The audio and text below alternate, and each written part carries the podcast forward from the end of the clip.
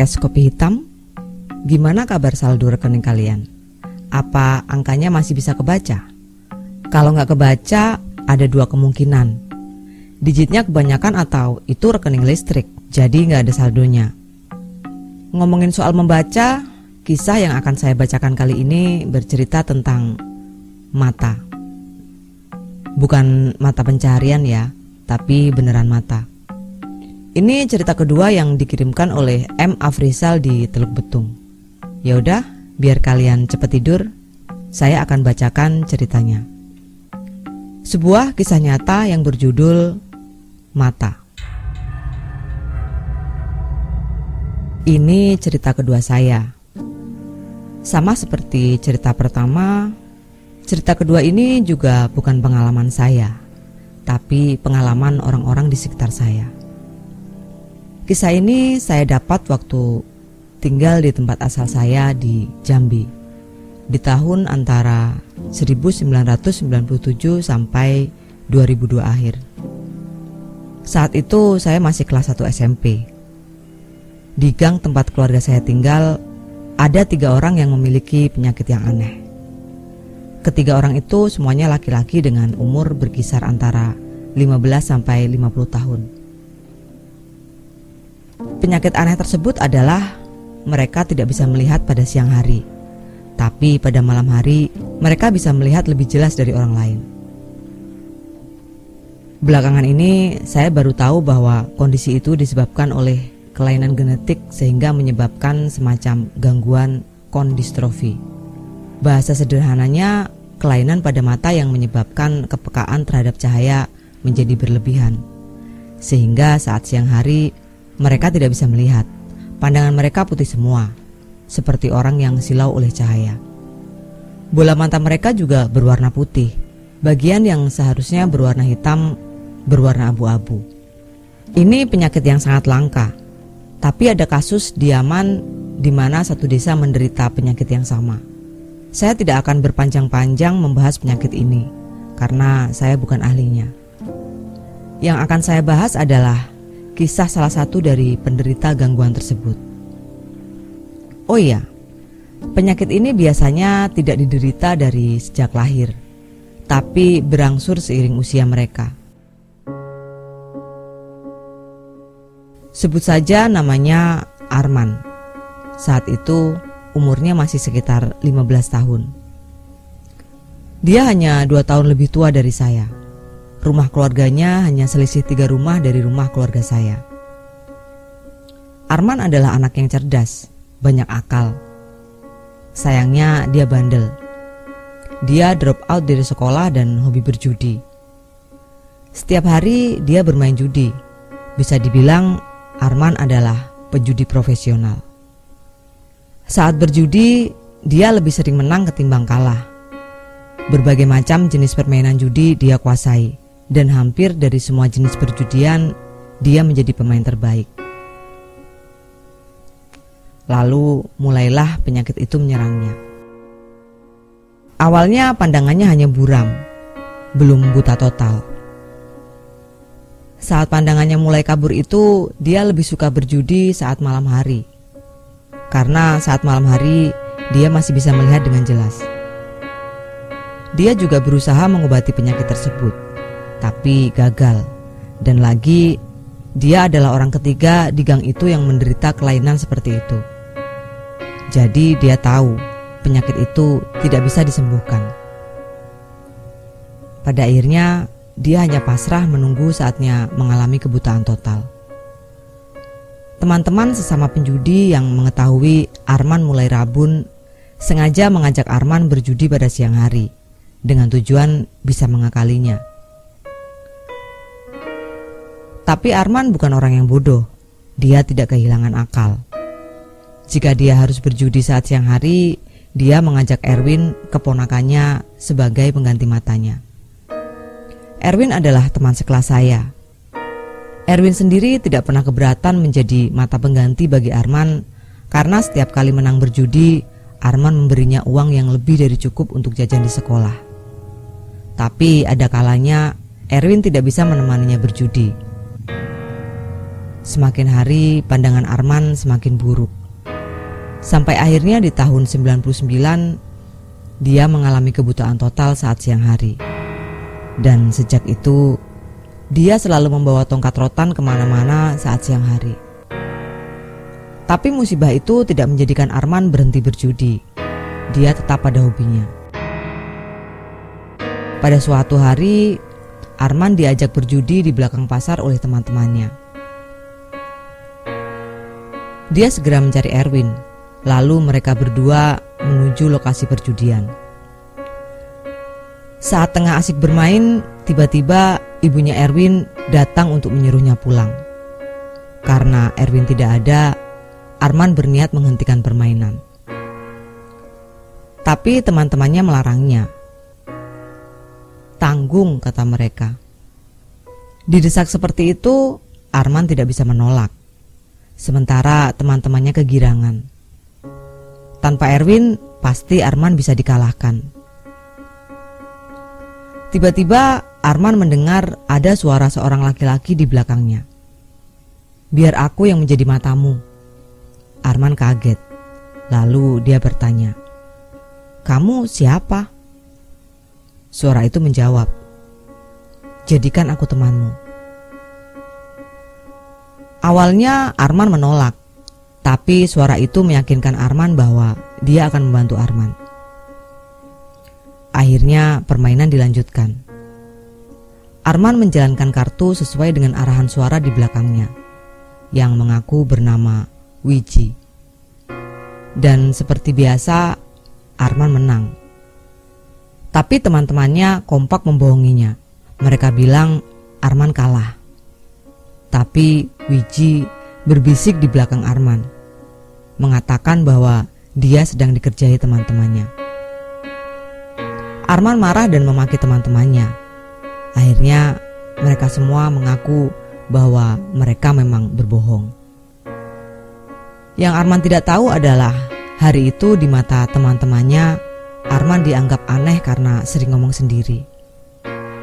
Menurut Arman, dia sedang ngobrol dengan Wiji.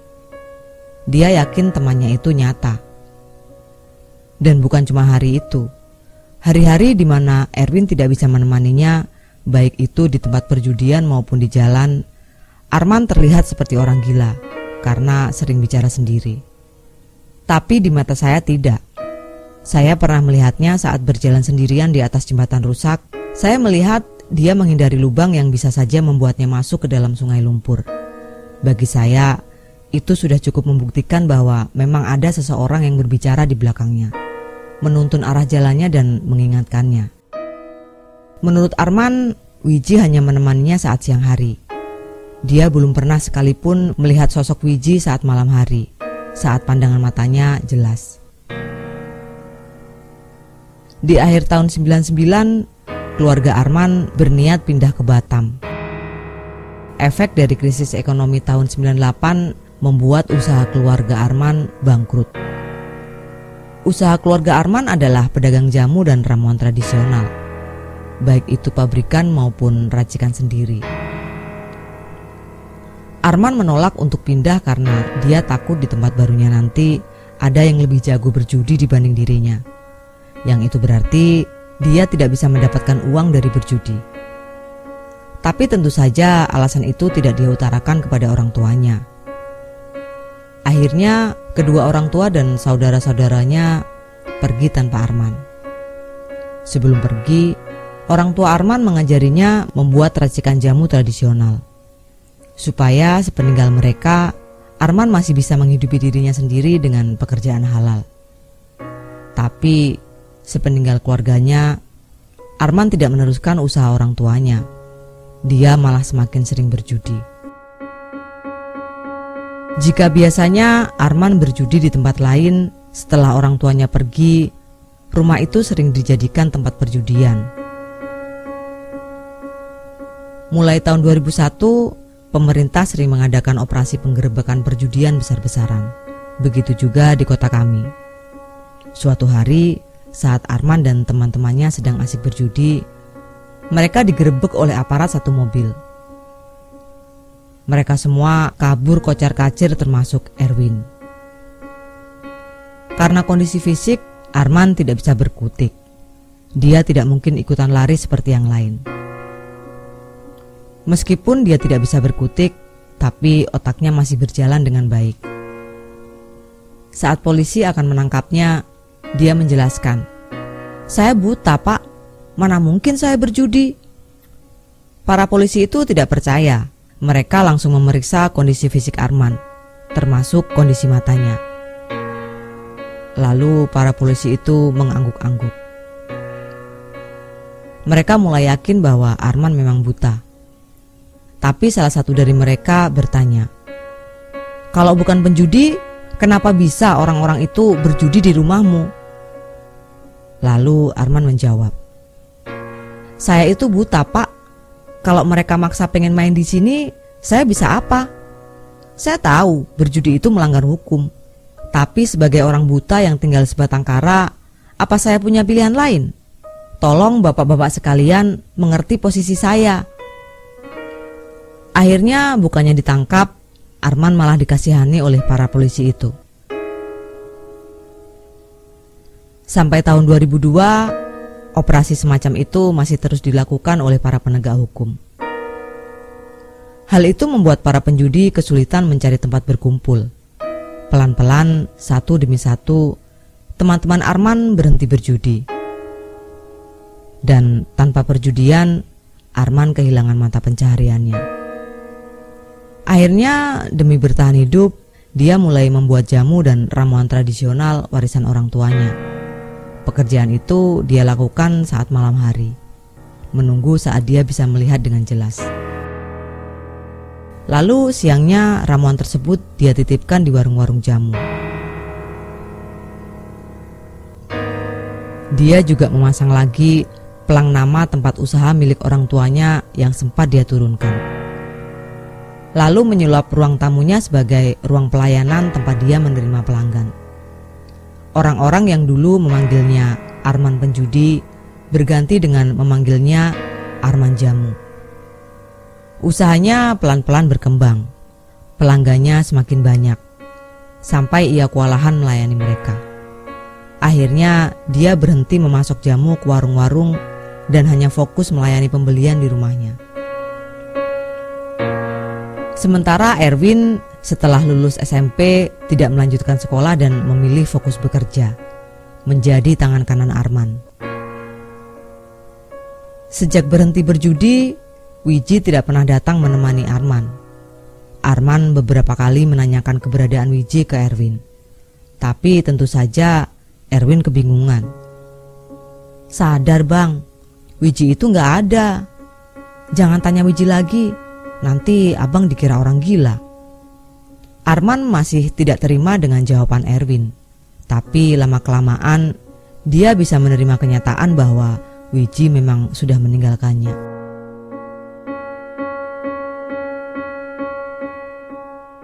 Suatu hari Arman kedatangan pelanggan seorang perempuan. Dari suaranya, umurnya sekitar 20 atau 25-an. Tamu tersebut meminta dibuatkan jamu racikan untuk membersihkan rahim. Katanya dia baru saja keguguran. Biasanya tamu-tamu kalau minta jamu racikan jarang ada yang mau menunggu karena lama. Lebih banyak mereka datang memesan lalu mengambilnya esok hari atau minta diantarkan ke alamat mereka. Biasanya Erwin yang bertugas mengantarkan pesanan pelanggan.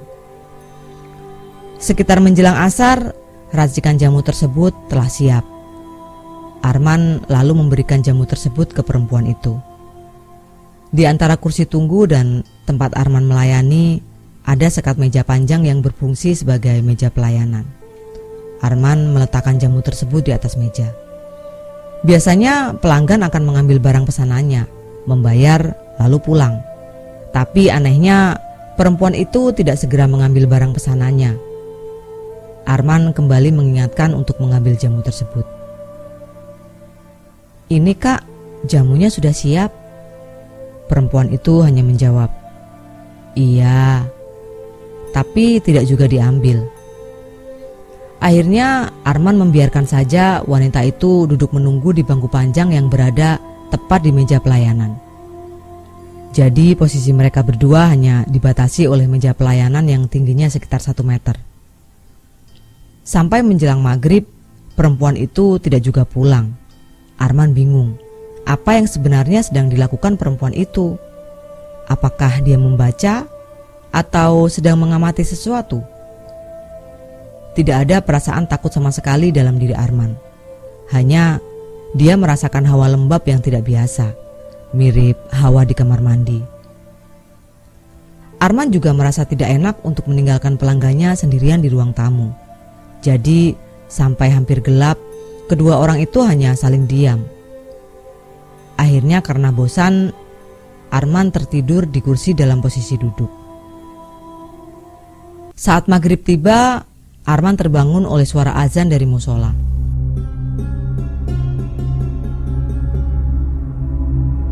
Dia membuka matanya. Arman kaget ketika dilihatnya perempuan itu masih duduk di bangku pelanggan. Yang membuat Arman semakin kaget adalah sosok perempuan itu. Begitu Arman bisa melihat dengan jelas, terlihat bagaimana rupa perempuan yang sedari siang menungguinya. Perempuan itu duduk di kursi pelanggan sambil menunduk. Rambutnya bergelombang panjang, terurai ke depan, hampir menutupi seluruh bagian mukanya. Memakai dress putih, motif bunga-bunga kecil sebatas bawah lutut. Bajunya kumal dan sobek-sobek. Ada noda kecoklatan di bagian bawah perutnya, mirip noda darah yang mengering. Begitu sadar, Arman bisa melihatnya, perempuan itu mendongakkan wajahnya. Jantung Arman seperti mau copot melihat muka perempuan itu. Wajahnya lebih seram lagi. Kedua matanya jaraknya terlalu lebar untuk ukuran manusia. Bola matanya hitam pekat. Hidungnya bolong, cuma terlihat tulangnya saja. Begitu juga dengan mulutnya. Giginya terlihat berada di luar bibir. Seperti tidak ada kulit yang membungkusnya. Sementara kulit di bagian muka yang lain berwarna putih kebiruan. Sangat menyeramkan. Mereka saling tatap. Arman terpaku tidak mampu bereaksi. Seumur hidup baru kali ini melihat penampakan seseram itu. Lalu Perempuan itu membuka mulutnya dan bersuara.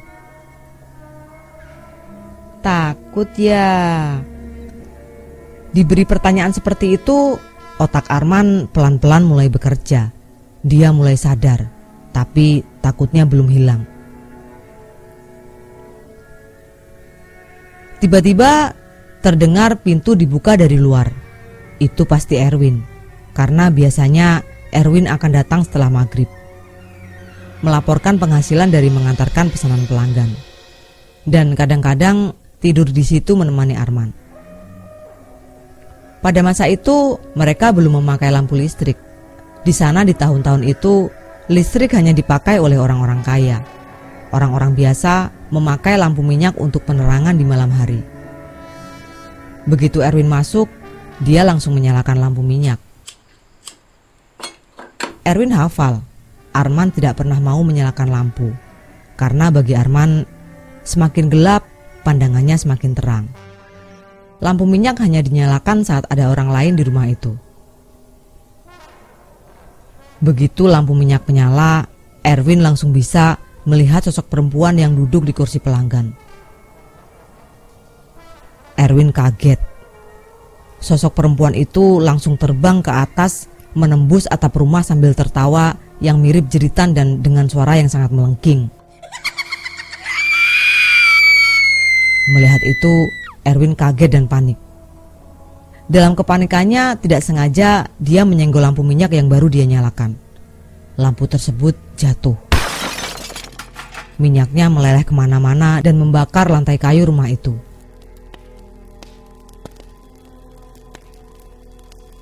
Di sana saat itu memang belum ada rumah permanen. Semua bangunan berbentuk pondok dari papan. Karena rumah di sana dibangun di atas rawa yang berlumpur. Pelan tapi pasti api merambat ke dinding papan. Melihat itu, Erwin berusaha memadamkan api, sementara Arman berlari keluar mencari bantuan. Tidak berapa lama, saya dan beberapa warga datang membantu memadamkan api. Saat kami sampai di sana, sepertiga bagian ruang tamu habis dilahap api. Sejak kejadian itu, Arman trauma dengan pelanggan perempuan. Jika dia menerima pelanggan perempuan, dia selalu menanyakan nama, alamat, umur, dan lain-lain. Memastikan bahwa pelanggannya itu memang asli manusia. Di akhir tahun 2002, keluarga saya pindah ke Lampung. Saya tidak tahu lagi bagaimana kabar terakhir Arman. Juga penderita kelainan kondistrofi lainnya. Terima kasih buat channel podcast Kopi Hitam yang sudah memberi saya kesempatan berbagi cerita. Maaf kalau tulisannya masih berantakan. Mudah-mudahan ke depan channel ini bisa lebih berkembang lagi. Selesai. Cerita yang menarik ya. Ceritanya komplit. Ada membahas soal sains, tapi ada horornya juga. Buat para ahli di bidang kelainan genetik, kalau Anda-Anda sekalian dengerin ini, mungkin bisa melakukan penelitian tentang penyakit kelainan genetik seperti yang diderita Arman. Tapi saya punya pertanyaan yang agak menggelitik kalau nggak dikeluarin gatel nih. Menurut kalian pekerjaan apa yang paling cocok buat orang seperti Arman? Ya udah, cukup sekian cerita kali ini. Jangan lupa subscribe, like, komen dan apa saja terserah kalian. Bagi yang di Spotify, jangan lupa follow. Terus bagi yang mau berbagi cerita, silahkan kirim cerita kalian ke email podcastkopihitam@gmail.com. Saya Sari, sampai jumpa di cerita selanjutnya.